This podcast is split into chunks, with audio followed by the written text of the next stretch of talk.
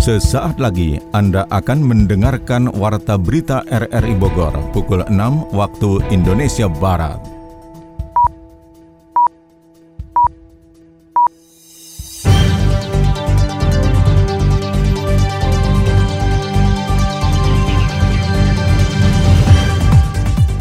Selamat pagi, Saudara, seperti biasa Warta Berita Akhir Pekan RRI Bogor kami isi dengan rangkuman berita sepekan Minggu 11 April 2021.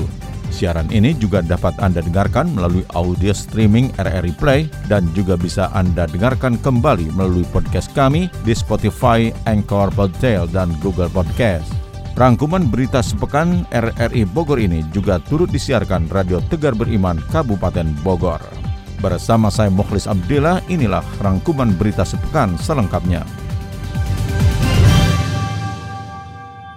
Saudara, rangkuman berita sepekan kita mulai dari kota Depok. MRI 21 tahun pemuda asal Depok yang diduga melakukan pembunuhan berantai dalam waktu dan lokasi berbeda di Bogor digelandang polisi dari ruang pemeriksaan menuju ruang konferensi pers di Polresta Bogor Kota hari Kamis. Pelaku diduga membunuh DP 17 tahun yang mayatnya ditemukan dalam kantong plastik hitam di pinggir Jalan Raya Cilebut, Kota Bogor pada 25 Februari lalu. Pelaku juga diketahui membunuh L, 23 tahun yang jasadnya ditemukan tergeletak di pinggir jalan Desa Pasir Angin, Megamendung, Kabupaten Bogor pada 10 Maret lalu. Kapolresta Bogor Kota Kombes Pol Susatyo Pronomo Condro mengatakan pelaku merupakan pembunuh berdarah dingin yang berperilaku layaknya serial killer atau pembunuhan berantai. Atas perbuatan sadisnya itu, pelaku dikenakan pasal berlapis, yakni pasal Undang-Undang Perlindungan Anak karena salah satu korbannya di bawah umur, pasal pembunuhan berencana dan pasal pembunuhan biasa dengan ancaman hukuman mati. Uji coba pembelajaran tatap muka TPM yang diselenggarakan SLTA di Kabupaten Bogor dievaluasi tim gugus tugas COVID-19 setempat setelah diketahui satu pelajar kelas 12 IPS SMAN Lewiliang terpapar virus tersebut. Tim gugus tugas melakukan tracing kepada seluruh siswa dalam satu kelas termasuk guru hingga keluarga pelajar yang terindikasi COVID-19 dan kini menjalani karantina mandiri di rumah keluarganya di Tasikmalaya. Juru bicara gugus tugas COVID-19 Kabupaten Bogor Irwan Puranawan mengatakan tim dokter melakukan tes awal kepada tiga pelajar yang berdekatan dengan suspek dan dinyatakan non-reaktif, sementara tes antibodi ternyata reaktif namun kepastiannya menunggu hasil swab antigen. Statusnya itu kan masih reaktif ya, yang lu lihat. Belum belum PCR, baru dia di antibody reaktif, antigen positif. Cuma belum di tes PCR. Pernah satu orang. Nah sekarang satu kelas itu lagi di tracking sama guru-gurunya. Sementara itu anggota gugus tugas COVID-19 dari Dinas Kesehatan setempat, Dedi Syarif menyatakan tes antibodi tidak bisa dijadikan pedoman apakah yang bersangkutan terinfeksi COVID-19 atau tidak. Adapun informasi awal adanya pelajar SMA Negeri Lewiliang yang positif COVID-19 Kamis lalu berasal dari dokter sekolah yang melaporkan secara lisan kepada Dinas Kesehatan namun belum diuji klinis. Itu tadi saya konfirmasi ulang. Jadi itu udah di swab antigen semua siswa yang kontak erat sama keluarganya antigennya negatif, negatif juga reaktif karena karena baru antibody. Kalau antibody itu kan tidak bisa dijadikan pedoman untuk mendiagnosis COVID. Nah, oleh sebab itu sebenarnya itu ada pengumuman dari dokter sekolah itu. Dokter sekolah itu mengumumkan bahwa ada yang uh, positif COVID. Padahal kan belum positif COVID, baru antibody antibodinya aja gitu. Setelah di tracking ternyata antigennya negatif semua. Kalau saya belum, tapi antigen eh, semua negatif. Uji coba PTM yang dilakukan sejak 10 Maret hingga kemarin masih dievaluasi. Ada 170 SMA dan SMK di Kabupaten Bogor dan dari jumlah tersebut ada 30 SMA dan 30 SMK yang sudah melakukan usulan belajar tatap muka. Kepala Cabang Disdik Wilayah 1 Jawa Barat, Ridwan Mujani, menyerahkan kelanjutan PTM kepada Ketua Gugus Tugas COVID-19, yakni Bupati Bogor. Kan PTM itu udah dari tanggal 11 Maret, bukan dari KCD itu dari Bupati dan dan dan itu betul udah di, di, udah langsung ditutup. Hari, hari Rabu juga langsung ditutup. E, tanggal tanggal 10 itu akan berakhir untuk uji coba bagaimana nanti keputusan kebijakan dari Satgas Covid Kabupaten nantinya. Sebelum SMA Negeri 1 Lewiliang, laporan kasus serupa juga pernah terjadi di SMA Negeri Tenjolaya.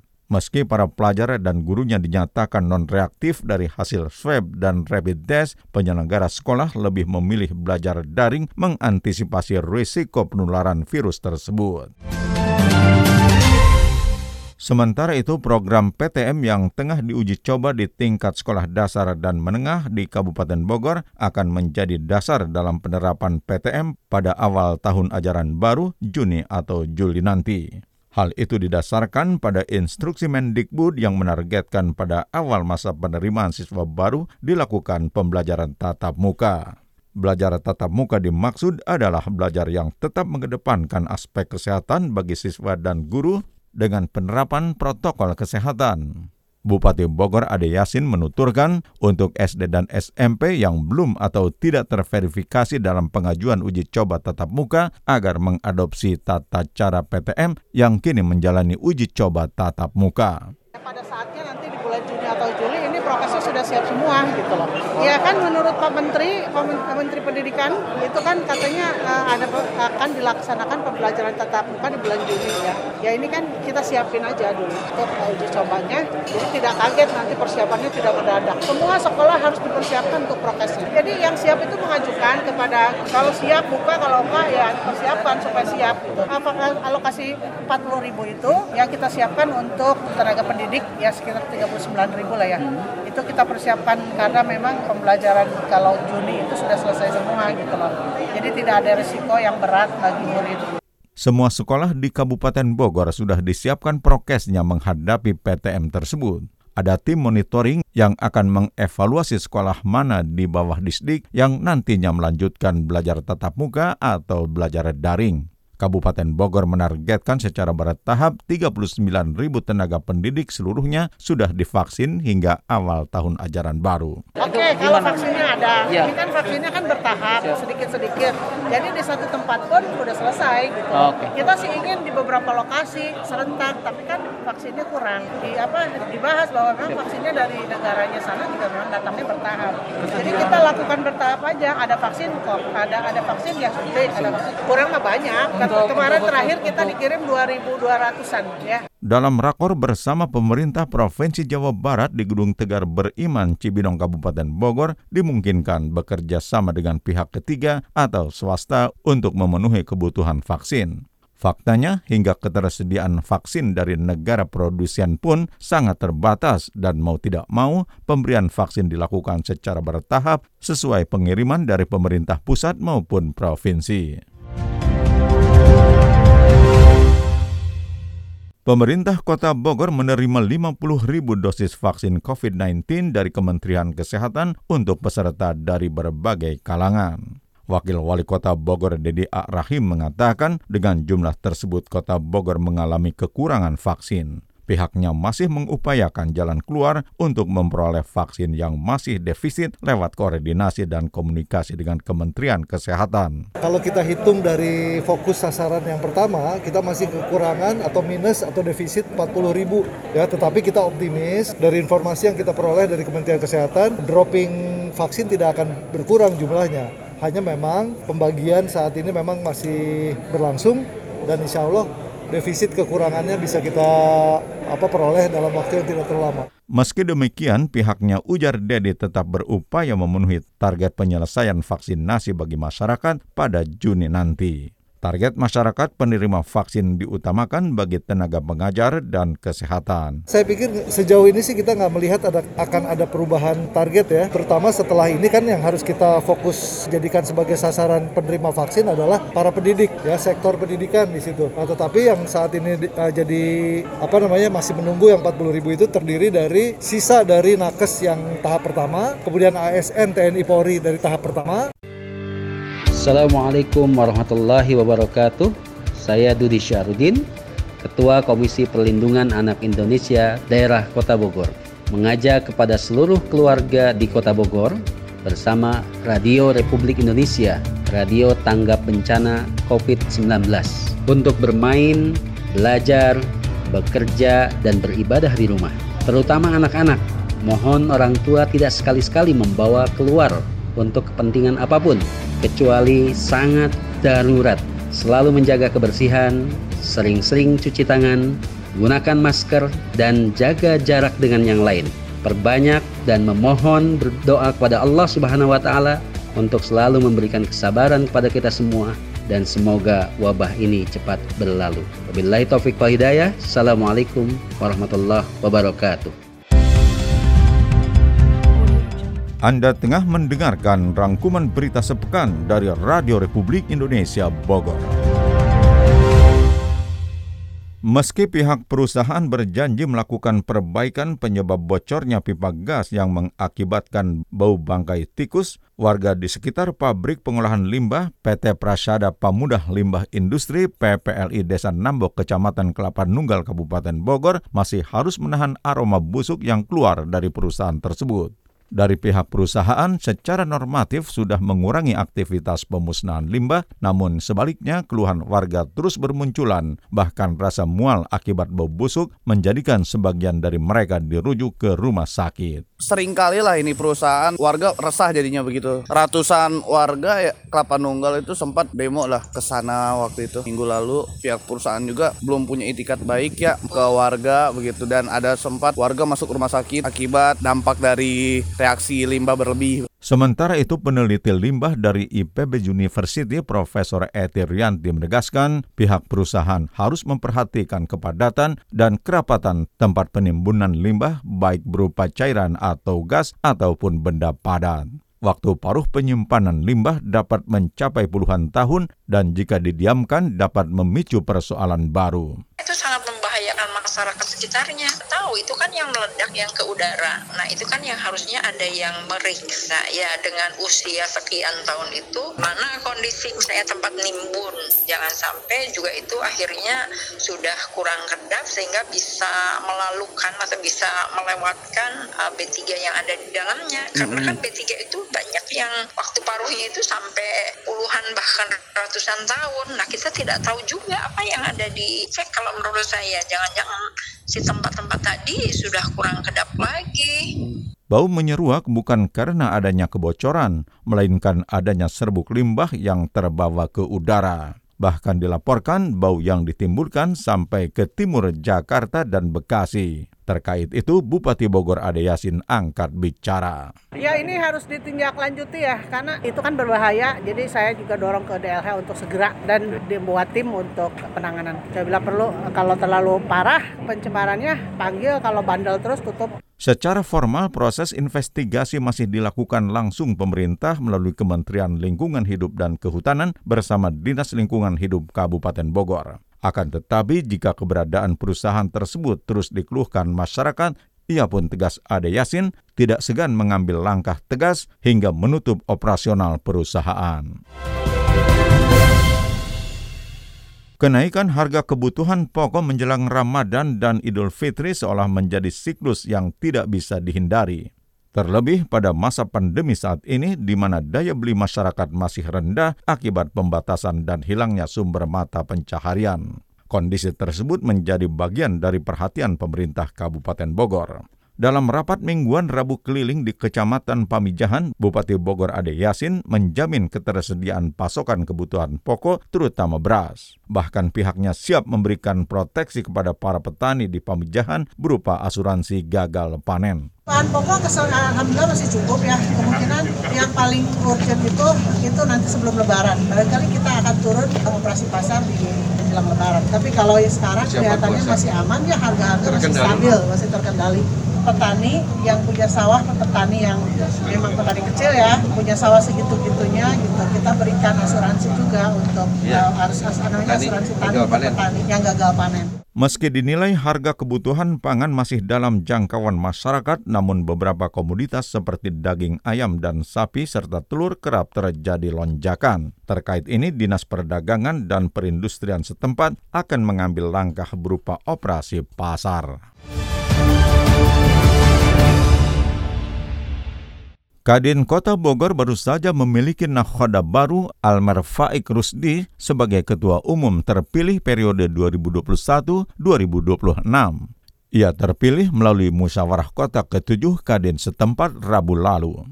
Turut hadir Ketua Kadin Jawa Barat Cucu Setara yang mengukuhkan kepengurusan Kadin Kota Bogor tersebut. Menurut Cucu, di tangan nakhoda yang baru itulah Kadin Kota Bogor harus bergerak cepat memberdayakan anggotanya untuk naik kelas. Cucu mengingatkan Kadin tidak boleh mengandalkan proyek-proyek APBD. Pihaknya justru mendorong anggotanya untuk berkreasi dan berinovasi guna menggali peluang usaha baru. Dua fungsi utama Kadin pertama adalah pembinaan, terus melayani dan mengadvokasi anggota bagaimana mereka bisa naik kelas. Yang kedua, justru kita sebagai Kadin bagaimana menciptakan usaha dan kondusif dan sehat. Artinya tidak lagi lah Kadin bicara soal berbutuh APBD kecil itu. Tidak boleh. Cucu meminta Kadin Kota Bogor untuk memperkuat sinergi dengan Pemkot Bogor dalam membuka peluang investasi baru bagi UMKM. Para pelaku UMKM harus didukung untuk naik kelas dengan mendorong usahanya masuk ke ranah ekspor.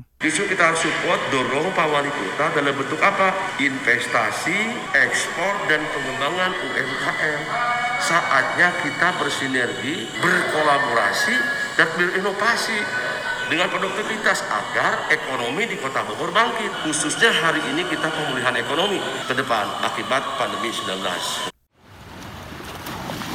Bro, bro, awas bro, bobong dulu nih sampahnya. Nah, beres deh. Apaan tuh? Ya sampah bekas kita camping lah bro, apalagi? Kenapa dibuang ke laut? Emang mau dibuang ke mana lagi bro? Nggak ada lagi nih. Kan tahu di laut tuh banyak kehidupan, ada ekosistemnya. Kalau rusak gimana? Ya tahu sih, tapi mau gimana coba? Ya diambil sampahnya bro. Berenang nih bro? Iya berenang, ambil sampahnya. I iya dah, berenang deh, berenang. Mari sama-sama menjaga bumi Nusantara ini tetap aman lestari agar bermanfaat bagi kehidupan manusia dan makhluk hidup di dalamnya.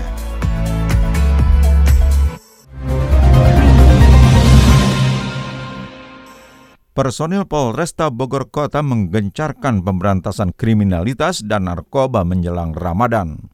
Barang bukti penindakan dari semua polsek pun diperlihatkan di DPRD setempat. Kapolresta Bogor Kota Kombes Pol Susatyo Purnomo Condro mengungkapkan penindakan kriminalitas dan narkoba di wilayah hukumnya cukup beragam dengan banyaknya barang bukti dan tersangka yang berhasil terjaring. Dalam tempo tiga bulan ini, pihaknya mengungkap kasus tawuran dengan senjata tajam, pelanggaran knalpot bising, dan pembunuhan perempuan dalam kantong plastik yang mengundang banyak perhatian publik. Melakukan banyak hal, pengungkapan-pengungkapan baik dalam hal penegakan hukum maupun dalam hal menghadapi pandemi COVID-19. Tadi sudah kami sampaikan bagaimana uh, ratusan senjata tajam berhasil kami sita, minuman-minuman keras kami lebih tegas untuk menunjukkan kepada sidang pengadilan, bagaimana kejahatan-kejahatan yang uh, meresahkan masyarakat, termasuk kepada kaum marginal, terhadap perempuan dan anak. Nah, semua kami lakukan supaya membuka mata dari kita semuanya, masyarakat Kota Bogor, bahwa kita harus sama-sama memiliki visi menuju Kota Bogor yang maju dan beradab masyarakatnya. PT Jasa Marga Metropolitan Toll Road membuka operasional gerbang tol Bogor Selatan Rabu lalu. Pembukaan gerbang tol yang menyambungkan wilayah Bogor bagian selatan itu diyakini pemerintah kota dan kabupaten Bogor akan memacu perkembangan ekonomi masyarakat. Kepala Shift Pengumpulan Tol Bogor Selatan Ubaidillah mengatakan jasa marga sebagai operator jalan Jagorawi berupaya mempermudah akses masyarakat menjangkau wilayah Bogor Selatan dengan pembukaan gerbang tol itu.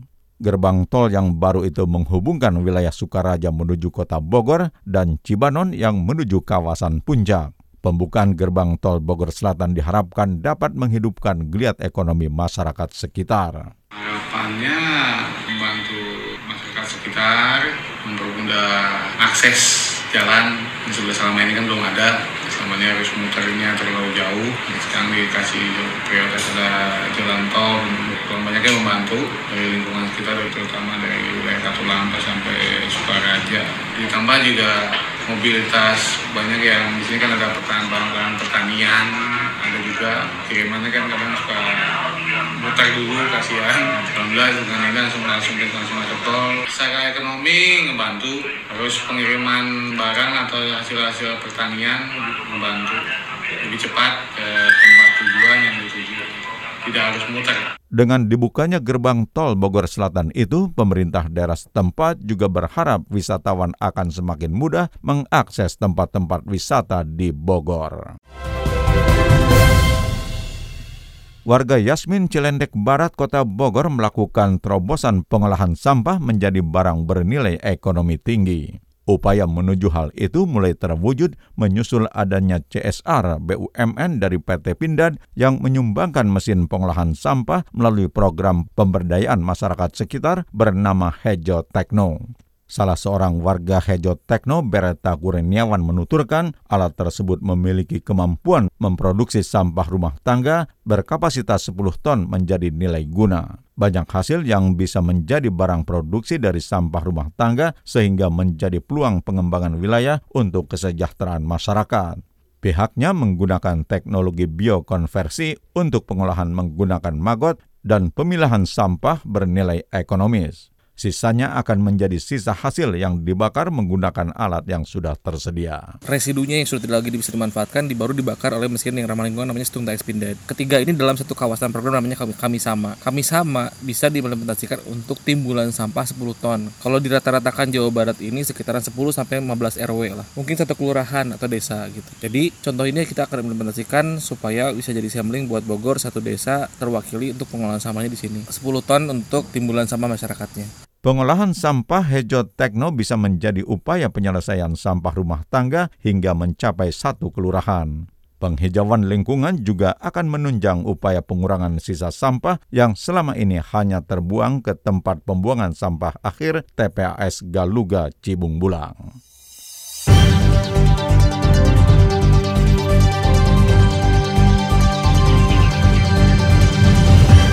Saudara demikian rangkuman berita sepekan. Siaran ini dapat Anda dengarkan kembali melalui podcast kami di Spotify, Anchor, Podtail, dan Google Podcast. Saya Mukhlis Abdillah bersama penata teknik Mahdi Nur mengucapkan terima kasih atas kebersamaan Anda. Selamat pagi.